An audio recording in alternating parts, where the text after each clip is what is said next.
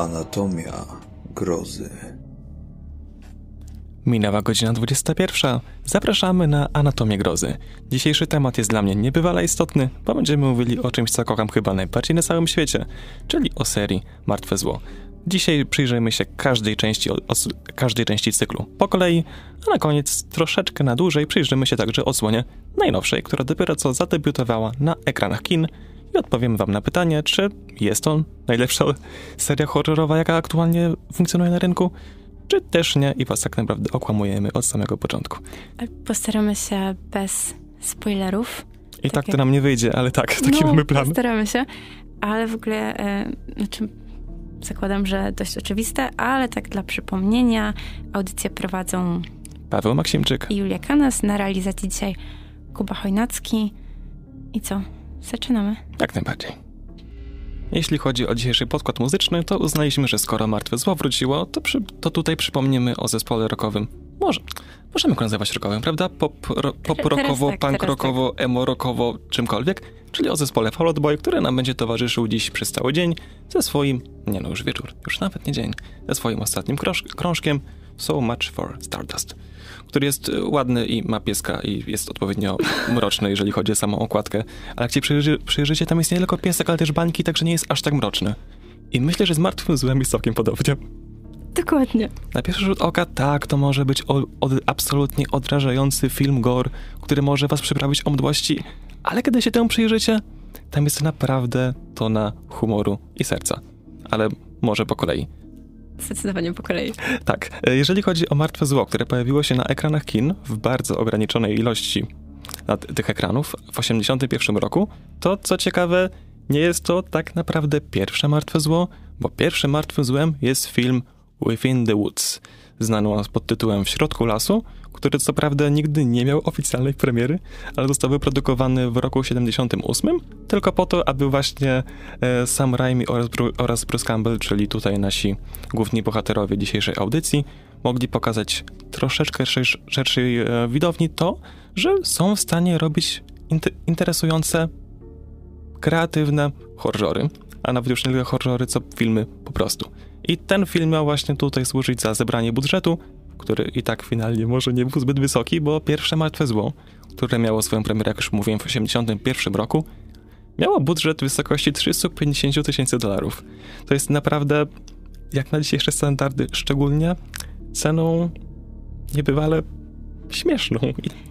Widać to też na ekranie, ale może dlatego w sumie filmy klasy B w tamtych latach zyskały taką popularność właśnie przez te swoje tanie efekty, które wtedy były całkiem, całkiem bogate, całkiem wow. W tym momencie no, ludzie się z nich śmieją, śmiejemy się z nich, ale w taki pozytywny sposób, przynajmniej jeśli chodzi o nas, bo to, co wyrosło z tych niby śmiesznych efektów, teraz wygląda całkowicie inaczej i ma całkowicie inny odbiór, no ale trzeba było w końcu od czegoś zacząć. To prawda, zaczęliśmy właśnie od Martwego Zła, które na papierze jest filmem niebywale prostym, bo mamy tutaj grupkę znajomych, która przejeżdża do domostwa, opuszczonej chatki w głębi lasu, przy której mają nadzieję świetnie spędzić weekend. Tylko no, ich nadzieja niestety okazuje się być matką głupich, bo w piwnicy znajdują księgę opasaną ludzką skórą, której pierwsza strona jasno sugeruje, że woleliby jej nie odczytywać.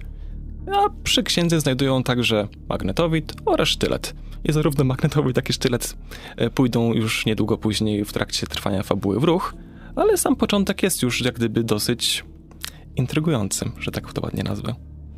To może też tak od razu, e, jeśli liczycie, że martwe zło będzie tak jak e, na przykład krzyk, o którym mówiliśmy, po kolei, wszystko ładnie, fabularnie, spójne, to trochę się przeliczycie, bo to wszystko jest spójne z takim przymrużeniem oka i oglądając pierwszą część ym, i oglądając później na przykład drugą,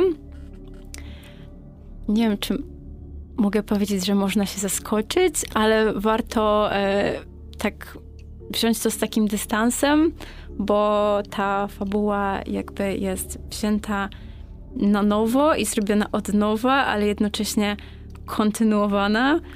Tak, z Martwym Złem jest dosyć dużo problemów, jeżeli chodzi o timeliny, bo pierwsza część serii, czyli właśnie Martwe Zło z roku 81, które zapoczątkowało serię, na ten moment nie jest odsłoną kanoniczną. Sam kanon rozpoczyna się od filmu Martwe Zło 2, który rozpoczyna nam timeline trwający aż do Armii Ciemności, następnie przechodzący, w sensie trwający do jednego z zakończeń Armii Ciemności, ale tutaj do tego akurat przejdę troszkę później, które później odgałęzia nam się na serial.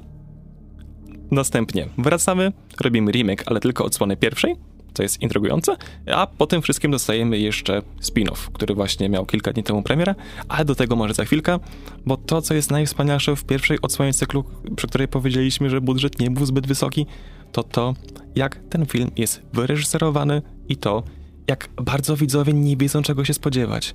Bo ja ten film oglądałem razy albo 7, albo 8, za każdym razem zupełnie innym podejściem i zależnie od tego, jaką właśnie przybierałem perspektywę odbiorczą, czy zakładałem, że jest to film robiony absolutnie na serio, który będzie właśnie skupiał się na obrzydzeniu bądź przerażeniu mnie, czy biorąc pod uwagę fakt, że ma tutaj mimo wszystko też sporo wyśleczego poczucia humoru, które nie każdy przy pierwszym sensie może w ogóle odkryć, to to tylko dodaje tutaj tej produkcji pikanterii i ciekawości, bo na nią nie może być przygotowanym w żaden sposób. Mm, wiem, że są ludzie, którzy włączając Martwe Zło, szykują się na slasher pokroju właśnie y, Piątku 13 czy Koszmaru z ulicy Wiązów. Dobra, poniekąd gdzieś tam te elementy są. Zawsze gdzieś wciskamy elementy slasherów. W sumie one są... E, no to się z reguły gdzieś przewija. Tylko ciężko nazwać e, slasherem coś, gdzie tak naprawdę nie masz tej kluczowej złej postaci, tylko masz po prostu kluczową, złą, demoniczną siłę, która tak naprawdę opętuje. Opętuje? Nie wiem, czy to jest właściwe słowo. W języku polskim brzmi to dziwnie, ale możemy powiedzieć. Załóżmy, tak, że tak, może sobie że to jest to słowo. E, postaci i to one nawzajem siebie później atakują, zmieniają, zabijają i wiem, że dla niektórych bardzo ciężko zdefiniować w sumie gatunek, którym jest martwe zło, podgatunek? Tak, przy pierwszej części był to największy problem. Jeżeli chodzi o odsłonę drugą, już wtedy wiemy, że jest to komedia horror. Bo martwe zło startuje z punktu, gdzie jest prawie na serio branym horrorem i w każdej kolejnej części dochodzi coraz to więcej komedii. Aż do momentu eskalacji, jaką jest tutaj Arm Armia Ciemności, która jest filmem stricte komediowym i tam możemy zapomnieć o horrorowym rodowodzie tak naprawdę ale no dwójka jest tutaj na pewno najlepiej wyważona. Jeżeli chodzi o jedynkę, cały czas nikt nie wie, jak tutaj, o co tutaj chodzi z humorem. Sam Raimi też e, zawsze mówił, on chyba tak, dziś będę cytował często e, sam siebie, ewentualnie innych ludzi, których cytowałem na, e, w ramach swojego licencjatu, bo nie żeby miał jakieś tutaj e, duże pole do manewru, jeżeli nikt absolutnie w tym kraju, ani nawet w Europie za bardzo nie zna martwego zła. Pochwal się. To tak, to napisałem najdłuższą pracę poświęconemu martwemu złu w Polsce. Jestem z tego niebywale dumny, chyba że ktoś z naszych słuchaczy i tak napisał dłuższą i chce ze mną o tym porozmawiać, to dam wam później mojego maila. To problem z martwym złem był taki, że w 81 roku, po kilku pokazach w Stanach Zjednoczonych i nawet po premierze na festiwalu filmowym w Cannes, rok później, gdzie film mógł zobaczyć nie kto inny, jak twój ulubiony pisarz grozy. Stephen King? Tak, dokładnie. Obejrzał Martwe Zło, zakochał się w nim momentalnie i uznał, że pomoże w dystrybucji.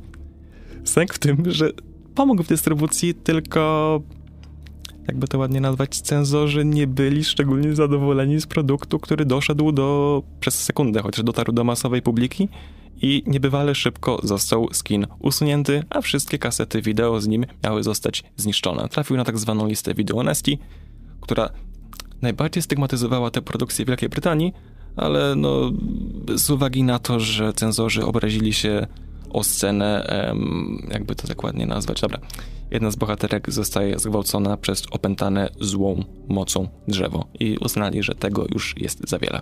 Dlatego nikt tak naprawdę legalnie do dziś ani w Polsce, ani w krajach skandynawskich nie mógł tego filmu w kinie w Skandynawii, nawet cały czas teraz jest delikatny ban na ten film, zobaczyć. No, nie jest to najprzyjemniejsza scena, ale warto sobie porównać może, nie wiem, czy no powiedzmy, porównać, że aktualnie, jeśli chodzi o horrory, szczególnie te brutalniejsze typu gore, jest to myślę całkiem delikatna scena, patrząc na to, co teraz jesteśmy w stanie oglądać. Ale co jest ciekawe, to że oglądając po raz pierwszy, właśnie pierwszą część, e, nie sądziłam, że ta scena stanie się taką, nie wiem, częścią kanonu później. Ten wątek przewija się w późniejszych częściach, przewija się, jeśli dobrze pamiętam, nawet jako nawiązanie w domu w głębi lasu.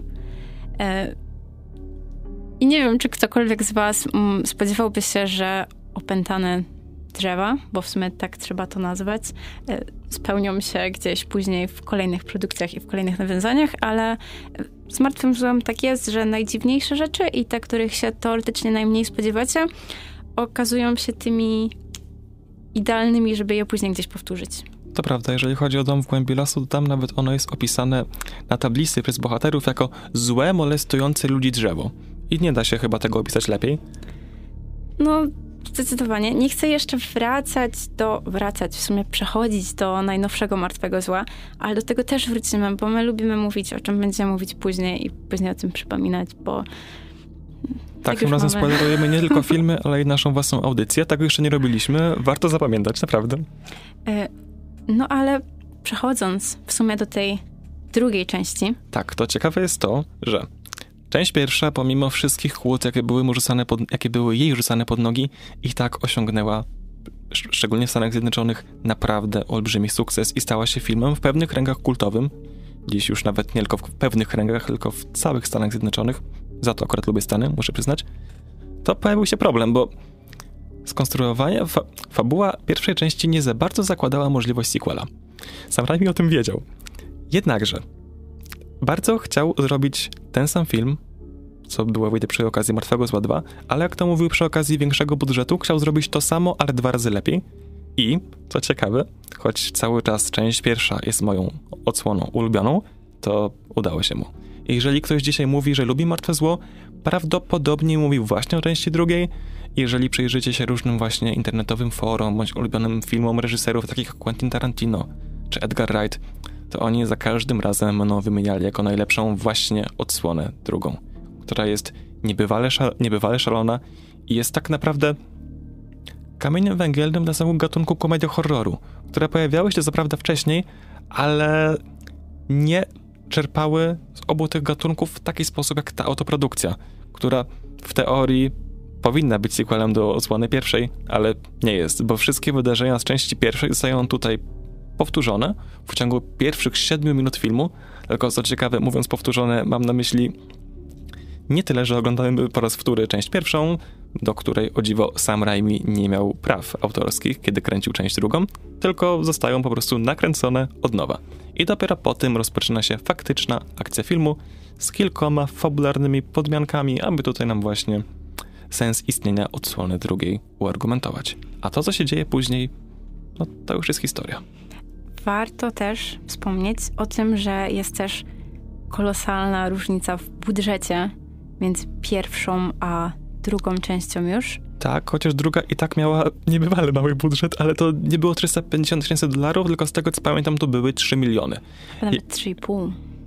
Mój Boże, to szaleństwo. No, jak na e, lata ciągle 80. w sumie. Tak, 87 rok. Ale e, myślę, że tutaj e, z racji tego, że będę się dzisiaj powoływać na Pawła jako na eksperta ze względu na jego e, przedługi licencjat, prawda? No to między częścią pierwszą, a drugą i w sumie tym, co się dzieje z tą księgą w, poprzedni, w poprzednich, następnych częściach, warto wspomnieć, że Necronomicon ma swoje dwie wersje tak naprawdę. Tak, a w najnowszej części dowiadujemy się, że istnieje jeszcze trzecia, co nam daje nadzieję na przyszłość, ale tak, w części pierwszej zła księga nazywa się Naturum Demonto, Księga Umarłych, ale w kanonie pozostaje Necronomicon Ex Mortis, czyli wciąż Księga Umarłych, ale no nie ta, nie ta sama. Ale żeby było jeszcze śmieszniej, e, chociaż to już może trochę, zaraz do tego przejdziemy, zaraz do tego wrócimy, e, tak nie spoilerując Armię Ciemności, ale nawiązując do niej, to tam na przykład pojawia się właśnie wątek tego, że przez chwilę są aż trzy księgi. I jeśli nie jesteście skupieni, a czasem łatwo się zgubić oglądając Martwe Zło, szczególnie Armię Ciemności, to tak jak ja oglądając to za pierwszym razem, e, będziecie zatrzymywać i zastanawiać się, co się właśnie dzieje, co się właśnie stanie i co się właśnie stało. To oglądając to drugi raz, szczególnie tak gdzieś w krótkim odstępie czasu, jesteście w stanie się połapać, więc to nie jest nic strasznego, ale e, wczytując się gdzieś tam dodatkowo, łatwiej zrozumieć, w sumie czytając jakieś informacje, na przykład właśnie takie, że są dwie wersje księgi, bo pamiętam, że rozmawiałam kiedyś e, z kimś właśnie, kto też oglądał Martwe Zło i dla niego było szokiem to, że to wcale nie jest jedna i ta sama księga, bo jemu się ciągle wydawało, że to wszystko jest po prostu jedna ta sama fabuła i jedna ta sama linia fabularna, mimo w sumie dwóch początków. To by było trochę za piękne i troszkę za łatwe.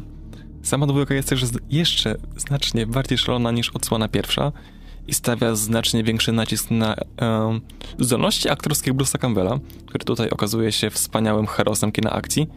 I co ciekawe, nie pamiętam dokładnie, które to było czasopismo, ale kilka lat temu jakieś w miarę szanujące się horrorowe czasopismo właśnie uznała Asha za pam, pam, najciekawszą i najlepiej napisaną postać w kinie grozy kiedykolwiek. I ja się jak najbardziej zgadzam, bo Bruce Campbell jest wspaniały. A to, jak wspaniały jest w tym filmie i co Sam Raimi robi z kamerą, bo jeżeli nie oglądaliście Martwego Zła, to możecie mieć w głowie tak naprawdę tylko dwa albo trzy obrazy. Obraz pierwszy. POV mistycznej siły, która po prostu sunie sobie przez las. Tak. O tym, na, o tym myślicie prawdopodobnie oraz o obrazie drugim, czyli Ashu, który jest cały obryzgany krwią i zamiast ręki dzierży na swoim biednym, obolałym kikucie piłę mechaniczną. I co ciekawe, naprawdę dużo osób uważa, że słowa groovy, czyli klasyczna odzywka Asha pada w odsłanie pierwszej, ale tak naprawdę dzieje się tak dopiero przy okazji części drugiej i też, co równie ciekawe, w części pierwszej jest, znaczy pojawia się piła mechaniczna, ale tak naprawdę nikt nie robi z niej prawidłowego użytku. Dopiero w części drugiej zaczyna ona być tutaj jedną z najważniejszych postaci drugoplanowych, jakby je tak ładnie nazwać.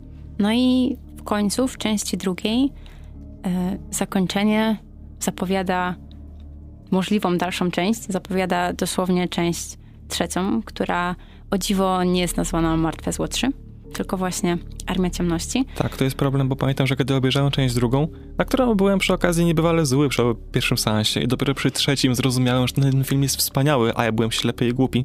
Przepraszam, naprawdę, bardzo przepraszam za to, drogi filmie.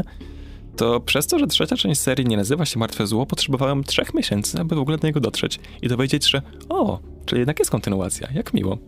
I w ten sposób piękny, że jednak jest kontynuacja, wrócimy do Was za chwilkę. Za nami utwór Heaven Iowa, czyli nasza ulubiona piosenka z płyty. Tutaj się zgadzamy, Juliu? Tak? Tu się zgadzamy, tak. Tak. Jeszcze nie wiemy, czy zgadzamy się co do najlepszej odsłony Martwego Zła. To na koniec. Tak, ale tak w teorii te najlepsze mamy już ze sobą, a teraz przechodzimy do tych znacznie, że tak powiem, ciekawszych i mniej oczywistych. To może zanim o faktycznie o Armii Ciemności, to jak już wspomnieliśmy, że w drugiej części pojawia się zapowiedź trzeciej, tego, że w końcu, albo drugiej, zależy jak to patrzy, e, to właśnie warto wspomnieć, że istnieje tam takie proroctwo, to było proroctwo w sumie, e, że kiedyś tam z nieba spadnie właśnie bohater z piłą zamiast ręki i on uratuje świat od sił nieczystych. I zgadnijcie, co się dzieje? No i aż znika. E, no i w trzeciej części okazuje się, że ląduje on nigdzie indziej jak w średniowieczu, co na początku może się wydawać dość dziwnym miejscem na horror, bo nie wiem, czy znamy dużo horrorów, szczególnie z tych lat 80., 90., które dzieją się w średniowieczu. W ogóle nie znamy dużo horrorów, które dzieją się w średniowieczu. Nie, i podbije to, nawet nie znamy z tamtego okresu dobrych filmów science fiction, ani fantazy. Po, pominę może e, Gwiezdne Wojny, przepraszam, dobra, po prostu fantazy. Idźmy, że to jest fantazy. Pamiętajmy o tym. Tak, i znajdujemy się w średniowieczu, e, aż się budzi, jest dużo tych e, zdezorientowanych rycerzy. E, I na początku nie uznają go tak. Uznają go za takiego dziwnego przybysza, który chce im zrobić krzywdę. Po czym okazuje się, że kiedy atakują ich potwory, to on ma taką magiczną broń jak strzelba, Boomstick. której wtedy e, nie znano, i nagle on ma magiczną moc, on potrafi odmienić wszystko. No i wyobraźmy sobie, że taki gość z piłą łańcuchową zamiast ręki e, nagle staje się takim, powiedzmy, zbawicielem e, ludzi ze średniowiecza. To, co też się nie przychodzi za łatwo, bo aż nie jest szczególnie miłą ani rozgarniętą osobą i na przestrzeni całej produkcji on Ale dopiero to buduje dorasta. całą postać. Tak, to prawda, on dopiero dorasta do bycia bohaterem. No i co warto podkreślić? Dużo razy warto podkreślić. Na oglądanie Armii Ciemności trzeba się bardzo przygotować i bardzo skupić. Bardzo skupić, bo dzieje się w niej tak dużo tak dziwnych rzeczy. E, Sam fakt tego, że nieoficjalnie film ma dwa różne zakończenia i nawet nie wiem w jaki sposób w sumie znaleźć jedno i drugie, żeby mieć pewność, że obejrzy się jedno i drugie. Które jest oficjalnie... Nie no, nie mogę. Sumie. dobra. Spoilerujemy stare filmy, to jest produkcja z 92 roku. Tak, Gdybyśmy tego nie spoilerowali, to wiecie. rodzina Soprano. Bardzo dziwne porównanie, dziwne porównanie, tak, nasze bingo się ma świetnie. E, ale tak, co ciekawe, też zakończenia były przez jakiś czas były puszczane naprzemiennie w kinie i to był żart, ale był moment, kiedy po prostu był je- jeden seans po drugim, jeden miał zakończenie oficjalne, drugie nazwijmy to reżyserskie. Jednakże, kanonicznie zakończenie oficjalne jest takie, że Ashowi udaje się powrócić do rzeczywistości oraz toczy kolejny bój już w, już w sklepie AGD, w którym ty zresztą pracuje, bo mało sobie o tym pamięta, ale aż tak zawodowo jest po prostu sprzedawcą. Sprzedawcą, pozdrawiam Kevina Smitha. E, drugie zakończenie, powiem tak, ono działa troszeczkę jak Planeta Małp, więc na koniec okazuje się, że nasz nieszczególnie rozgarnięty aż wziął nieodpowiednią ilość kropli nasennych i budzi się w postapokaliptycznej przyszłości, patrząc na zniszczoną statuę wolności. Zrymowałem. Tak. No i tutaj, nie wiem, czy też masz takie wrażenie, ale jak dla mnie efekty w Armii Ciemności są takie teoretycznie najbardziej niszowe, takie najbardziej budżetowe się wydają, a jest to, jak się można spodziewać, najwyższy budżet z tych trzech, bo to już było bodajże 11 milionów, co już jest takim hu, pokaźną liczbą. Tak, to się do końca nie zwróciło, ale z drugiej strony był to Później się zwróciło. Tak, ale po wielu, wielu latach. Jeżeli chodzi o No, samą premierę, to niestety. i tak Dino De Laurentiis był szczęśliwy, bo film zarobił znacznie więcej niż Duna Davida Lyncha. Więc jeżeli chodzi o dziwne filmy science fiction końca Tak, lat inna 80., Duna. 90., tak, nie w każdej jest Timothy Chalamet, gdyby ktoś nie wiedział. Dla niektórych to dobrze. Dla niektórych nie, ale no, są tam czerwie, także jak ktoś lubi czerwie, no to, to wiecie, to możecie. Ale Armia Ciemności jest filmem, jak już mówiliśmy, przedziwnym, bo tak jak pierwsza część była jeszcze rasowym horrorem z bardzo wisielczym poczuciem humoru, przez co mogliśmy mieć wątpliwości, czy to jest horror, czy to nie jest horror, a tak to jest horror. Druga część była horrorem komediowym, pełną gębą, a część trzecia, czyli Armia Ciemności, to dark fantasy Dla niektórych to parodia horroru. tak, dla niektórych tak, dla mnie może niekoniecznie. E, Bardziej właśnie paro- parodia, nie wiem, różnych poematów heroikomicznych, czy czegoś, czegoś takiego, e, niż samego horroru, ale no tutaj wątków horrorowych jest niewiele, a w ich miejsce mamy niebywale dużo komedii i, i slapsticku stri- stricte. O z serii moich e, dziwnych porównań za audycję, to gdzieś kiedyś przeczytałam w jakimś artykule, że Armia Ciemności e, jest takim Monty Pythonem horroru. Jest. I to się to, to jest piękne. Kolejne dziwne określenie. tak, idealnie. I jeśli lubicie ten rodzaj humoru, nawet nie lubiąc horroru, to myślę, że łatwiej obejrzeć stare części Martwego Zła niż nowe. Będzie łatwiej na pewno. Będzie- Może nie będzie trójkę, łatwiej. ale... mm, Powiem tak, musicie bardzo lubić serię, a zarazem musicie bardzo nie lubić serii, bo to jakby to ładnie powiedzieć, tak, to jest film dla fanów serii, ale to nie jest film dla fanów serii, bo daje nam coś zupełnie nowego i to jest przeciekawe, znacznie rozszerza lore.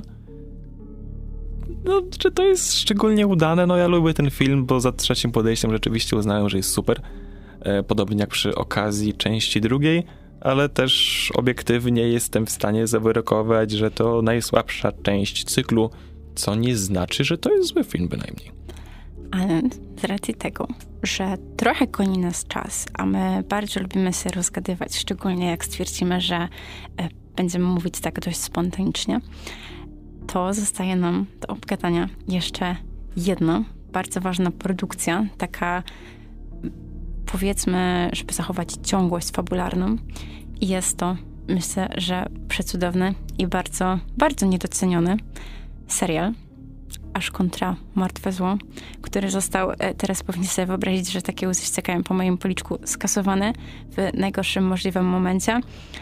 Ale jest to serial, myślę, że dla fanów komedii horroru obowiązkowy. Nie wiem, czy też tak uważasz. Tak, zgadzam się z tym. Też cały raz uważam, że to jest najpełniejsza możliwa forma martwego zła, która mi też najbardziej odpowiada. Bo bierze wszystko, co najlepszego ma sobą do zaoferowania kinu współczesne, a zarazem jest najbliżej ducha serii.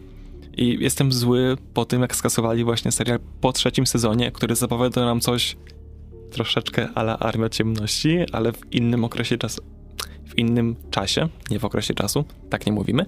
Um, i ja naprawdę go kocham. Dwa pierwsze sezony są przewspaniałe, trzeci jest również bardzo dobry i też długo myślałem, jak połączyć naszą dzisiejszą audycję z, serią Krzyk.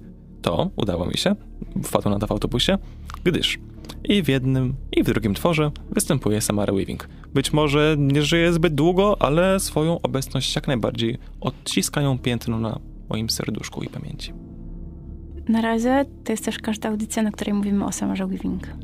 O mój Boże, daję do linka. Tak, tak, tak, tak, tak, podoba mi się to. E, ale co warto wspomnieć, a jest dużo rzeczy, które warto wspomnieć i zawsze się coś znajdzie, to aż kontra martwe zło dzieje się 30 lat po wydarzeniach e, z trzeciej części, prawda? No i wiadomo, Bruce Campbell nie jest już najmłodszy, e, ale jest zdecydowanie zabawniejszy, zdecydowanie jeszcze lepiej napisane, jest taką bardziej rozbudowaną postacią. I są też inne postacie, które faktycznie są w tym świecie dłużej niż przez serię, w sensie przez jakby sezon, bo myślę, że sezon jest takim odpowiednikiem jednej części, można to powiedzieć. I relacje Asha z innymi ludźmi, którzy nie umierają w ciągu kolejnych 20 czy 40 minut, są. Ja nawet nie mam słów, tyle powiem, ale to, jak rozbudowani potrafią być bohaterowie w stosunku do trzech poprzednich części, e, jest czymś, myślę, za co twórcom należy się taka, taka gwiazdka po prostu przy tytule, ale może to dlatego, że my jesteśmy oboje bardzo dziwni na punkcie tej serii i nie wiem, czy mamy coś złego o niej do powiedzenia. Na razie nie mamy. Czy to się zmieni przy okazji remake'u i spin-offu? O tym się dowiecie już za chwilę. Moją muzą jest na pewno Martwe Zło, ale zanim jeszcze przejdziemy do najnowszych odsłon cyklu, Julia chciała dopowiedzieć coś o ciemnej stronie mocy. E, dokładnie, bo e, przejdziemy się czasowo. E, jeszcze jedna rzecz do serialu Aż kontra Martwe Zło, to jest to pierwsza, powiem, część serii, gdzie faktycznie mamy rozbudowaną tą złą stronę, nie tylko postać Asha, bo po raz pierwszy nie mamy do czynienia po prostu z siłą, która w sumie nie wiemy jak wygląda, ona się po prostu pojawia, ona opętuje i w sumie bajo, e, tylko mamy postać, która rozszerza to, która wprowadza i która faktycznie jest taką fizyczną osobą, która buduje tą relację między złem a dobrem, że to nie wygląda po prostu tak, że aż walczy z opętanymi ludźmi, że walczy, nie wiem, czy mogę powiedzieć z demonami, ale no tak to znaczy, nazwijmy. Walczy. Zazwyczaj w lore te postaci są nazywane po angielsku deadite. My nie mamy swojego odpowiednika. Zazwyczaj to po prostu są bo to nie są zombie, to też to są demony, ale nie do końca, ale, ale tak. No więc podkreślamy tak jakby. E, no i faktycznie jest ta osoba, z którą on się gdzieś tam mierzy i no, może dlatego tak bardzo kochamy ten serial, że wszystko jest lepsze, wszystko jest bardziej pogłębione i wszystko przechodzi w remake, bo nie mamy czasu. Dokładnie. Remake został wyprodukowany w 2013 roku przez Fede Alvareza. I to, co Alvarez zrobił, to remake części pierwszej, tylko że w pełni, absolutnie, na poważnie. Jest to najpoważniejsza odsłona cyklu, która w sposób dosyć arthouse'owy wchodzi na terytorium kina klasy B i zamierza wejść z nim w dialog w, w strugach deszczu, krwi. No jest to może też przez to, że e, jest to już współczesne kino grozy, a nie to właśnie z lat 90., z które, tam 80., 90., z którego czerpie też serial. To wygląda ono zupełnie inaczej tak naprawdę. Jest, no efekty są bardziej dopracowane, przez co jest myślę, straszniejszy dla odbiorców, zdecydowanie straszniejszy niż poprzednie. Jest na pewno bardziej odrażający, bo jest tak bardzo po, brutalny. Poprzednie części wprowadziły tak naprawdę samo gore na salony, bo wcześniej ludzie zawsze uznawali, że jest to troszeczkę niegodne oglądania, to czasem martwego zła szersza publika mogła się tym rozkoszować. Tutaj można się tym rozkoszować, ale jest to naprawdę ultra brutalne i naturalistyczne. Jeżeli ktoś odcina sobie, odcina sobie nogę piłą, to tak odcina sobie nogę piłą. Jeżeli ktoś akurat wpadnie na pomysł, że a nie wiem, przetnie sobie język e, nożem do mięsa, to przecina sobie na waszych oczach język nożem do mięsa. Ale z doświadczenia da się jeść na czasy na tych filmach. Przetestowane. E... Gdybyście byli ciekawi, to można. Nie żebyś... Czy polecasz? Bo nie wiem, czy polecasz też takie działania. Nie było źle. Chyba, że macie po prostu jakieś odruchy. Ja nie mam, dałam radę, co prawda na tej najnowszej części, ale, ale myślę, że to jest bardzo porównywalne, bo ta nowsza jest chyba nawet brutalniejsza. E, jest troszkę w inny sposób, bo jeżeli też chodzi o remake, to on jest ciekawy, on jest dobry, ale nie dostał nigdy swojej bezpośredniej kontynuacji. W zamian za to, w stanie po napisach, dostaliśmy właśnie teaser do serialu, o którym wam mówiliśmy przed chwilą. Jednakże już nie tak dawno, jeszcze nie tak dawno temu, bo w piątek na ekranach Chin pojawiła się najnowsza odsłona serii, która w teorii jest spin-offem, ale cały czas nie rozumiem dlaczego jest spin-offem, ale nazywa się Evil Dead Rise, bądź jak to woli polski dystrybutor, Martwe Zło, Przebudzenie. Nie jest to Przebudzenie Mocy, proszę nie pomylić filmu. I tutaj za produkcję odpowiada Lee Cronin. Ale co... Ja się za każdym razem na każdej audycji ja sobie wybieram jakiś zwrot, który będzie powtarzać. Tym razem padło na warto wiedzieć.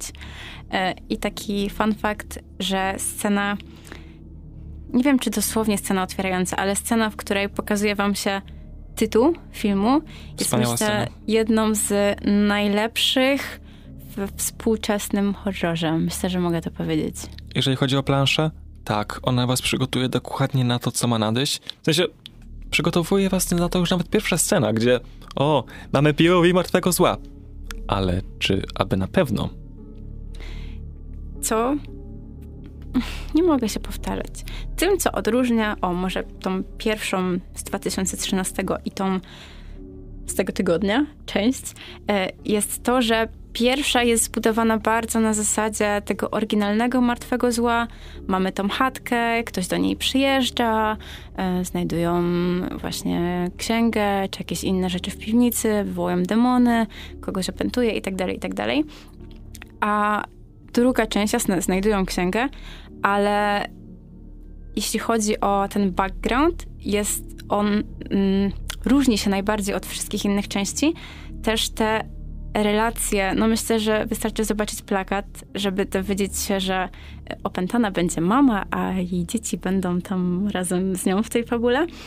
E, może dlatego myślę, że jest o nim teraz dość głośno. E, po pierwsze, za sprawą tego filmu z 2013 roku, a po drugie, dlatego, że wydaje się na pierwszy rzut oka najbardziej odmienny z tych wszystkich części. To prawda, też kiedy byłem wczoraj w pracy, przedwczoraj, e, to jedna z pań powiedziała, że poproszę bilety na Martwe Zło 2. Wyśmiałam ją oczywiście, bo nie wynalazła akurat wehikułu czasu i to nie jest rok 87, ale to daje nam tutaj jasny komentarz, że stylistyka jest dosyć podobna, e, jak w przypadku remake'u, ale to, co różni te filmy, to to, że tutaj wraca nam bardzo wisielcze, ale jednak poczucie humoru, bo remake tego nie miał, za grosz, nic, absolutnie zero. Na tym filmie, przynajmniej ja, mogłem śmiać się czasem w niebogłosy. Y, reszta publiczności też się czasem śmiała. Nie wtedy, kiedy powinni, ale tak. Y, no to, to swoją drogą, ale też w zupełnie inny sposób e, odkrywany jest, odkrywana jest księga, bo tym razem jest to przez trzęsienie ziemi, gdzie występuje dziura w budynku i to tam znajdujemy tą księgę. E, ale tym, co jest myślę taką największą perełką w tym filmie, są nawiązania do poprzednich części, których właśnie jak ktoś oglądał tylko remake albo nie oglądał nic, bo myślę, że tacy ludzie też się znajdują, to nie wyłapuje tych najciekawszych elementów. E, tym razem nie mamy opętanego drzewa, ale mamy opętane kable w windzie. Tak, liczy się. I, I myślę, że to można powiedzieć, bo to można znaleźć nawet na filmikach na TikToku. Jakby, kiedy wychodzi jakiś film, nie warto przeglądać po prostu czegokolwiek w internecie, bo znajdziecie spoilery i w sumie wszystko. Spoilery. I dziwne, że od nas jeszcze nikt nie usłyszeliście, ale dajcie nam szansę. Postaramy się, no, staramy się. Ale to, co kocham w tym filmie, to on przypomniał mi o tym, co jest największą zaletą martwego zła, czyli intensywność. W każdym innym filmie mielibyśmy chwilę oddechu, moglibyśmy wyjść z budynku, przewietrzyć się, dać bohaterom właśnie chwilę wytchnienia. Tutaj nie. Zarówno widzowie, jak i bohaterowie są, są cały czas poddawani czy to horrorowi, czy bezpośrednio terrorowi. I to jest przewspaniałe.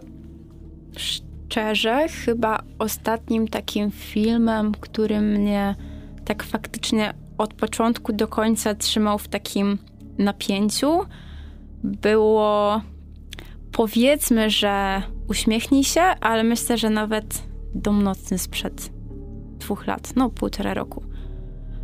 Więc... To nie są te produkcje, o których byście myśleli, że możemy do nich porównywać Martwe Zło, ale ten film, choć jak już powiedzieliśmy, bardzo ładnie nawiązuje do poprzednich osłon cyklu, ma też swoją tożsamość. Ma też oryginalne ujęcie, nieoczywi nieoczywistą pracę kamery, czyli to, co sobie Martwe Zło kochamy. I to, co sam Raimi pokazał nam już kilka dekad temu. Ale Plus ujęcia z Judasza. Tak, mamy wspaniałe ujęcia z Judasza i też jeżeli chodzi o poziom brutalności, to moim zdaniem jest delikatnie mniej brutalnie niż w remake'u, ale tutaj każdy... Zależy na co kto jest wrażliwy. Dokładnie, bo to, co mi się tutaj podoba, to jest właśnie przekraczanie granic i łamanie tabu, których w kinie współczesnym również tego się nie robiło. Ludzie zawsze zakładali, że są jakieś granice i jak gdyby nie ruszamy ich, typu, wiecie, nie, nie męczmy za bardzo tych dzieci. Jeżeli nienawidzicie dzieci, to jest na pewno film dla was. Jeżeli kochacie dzieci, po tym filmie możecie przestać je kochać. E, jeżeli chodzi o moje traumy, to boję się pod nimi jeździć windą. Troszeczkę inaczej patrzę też na swoją kuchnię. Nie mam dzieci na szczęście, więc zdanie nie patrzę inaczej, ale wiem, że gdybym je miał, to mając pod, myśląc o wydarzeniach w finale filmu, mogłoby być strasznie. Ale też, moim zdaniem, to jest przewspaniała opowieść o macierzyństwie, o rodzinie, prawie jak szybcy wściekli, ale w trochę inny sposób i też ma najmroczniejszą wizualizację stwierdzenia, że rodzina jest jedną komórką społeczną, jest taki jeden organizm. Błagam, pamiętajcie o tym zdaniu, bo ten film pogrywa sobie z lore tak jak może, robi to przewspaniale i podoba mi się wszystko, co nowego pojawia się w świecie przedstawionym. Ten film jest niebywale odważny, niebywale intensywny, niebywale brutalny i niebywale dziwny. Jest wspaniały. I niebywale długi jak na całą serię. Tak, i to jest wspaniałe, że kiedy mówimy, że film jest niebywale długi, to kiedy jest to John Wick, to ma 3 godziny. Martwe zło, przebudzenie ma godzinę 37 minut. Jest to najdłuższa odsłona serii, to jest przekomiczne.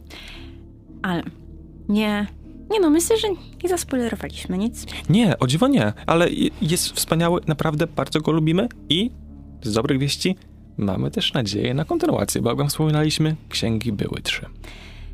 I tutaj taki fun fact, który znalazłam dosłownie dzisiaj. E, Empire, taka strona, jeśli ktoś z was kojarzy, dosłownie no ponad miesiąc temu wstawiła artykuł, gdzie cytuję rozmowę z samym Raimim, w której bardzo no, wyraża swoje wielkie chęci na temat przyszłej współpracy z Bruce'em Campbellem przy Martwym Źle.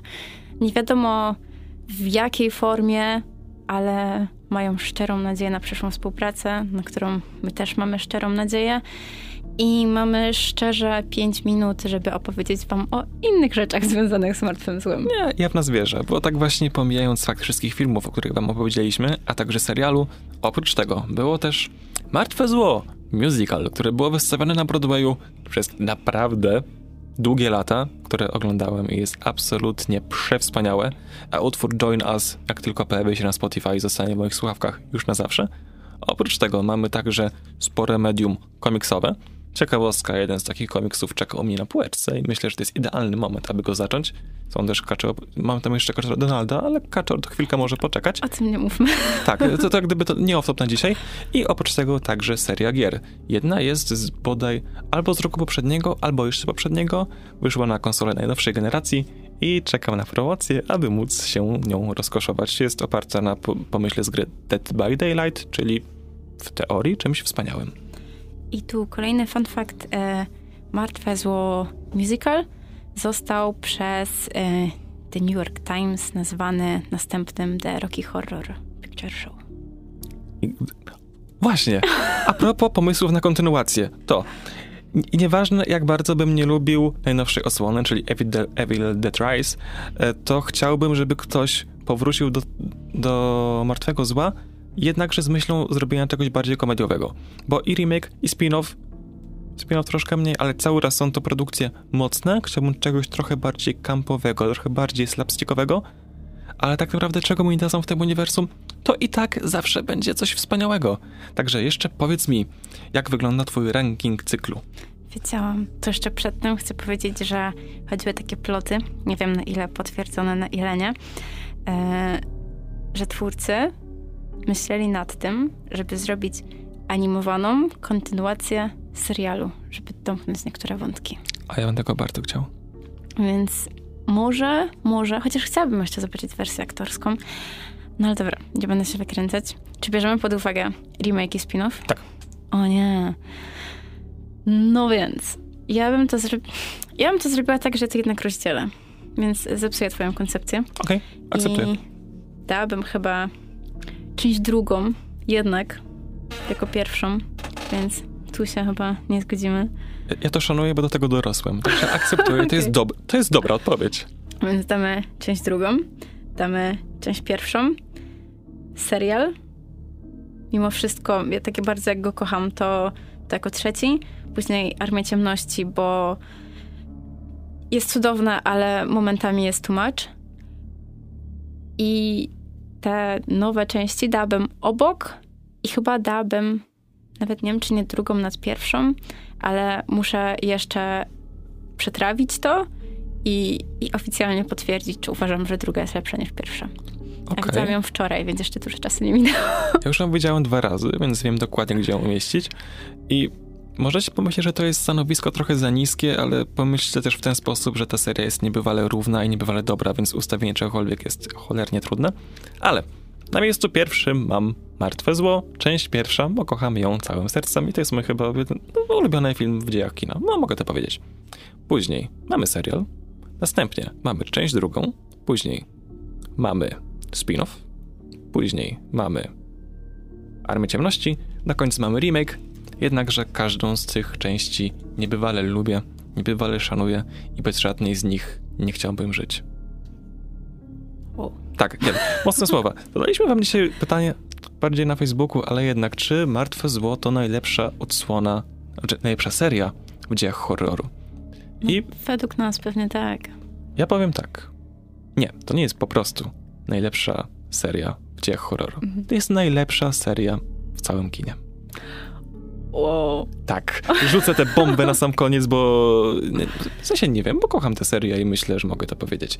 Jeżeli ktoś się nie zgadza, to proszę mi wysłać, nie wiem, kilka pestek pomarańczy w kopercie i będę wiedział o co chodzi. I w ten piękny sposób y, kończy nam się dzisiaj czas. Tak samo smutno jak zawsze, ale wyrobiliśmy się z tym, co chcieliśmy, więc y, z czym się słyszymy następnym razem? Zobaczymy. Czy znowu nawiążemy do wszystkich rzeczy, do których co dwa tygodnie? Prawdopodobnie tak. E, mam nadzieję, że obejrzycie Martwe Zło, a dzisiejszą Anatomię Grozy prowadzili Paweł Maksimczyk, Julia Kanas i na realizacji Kuba Chojnacki.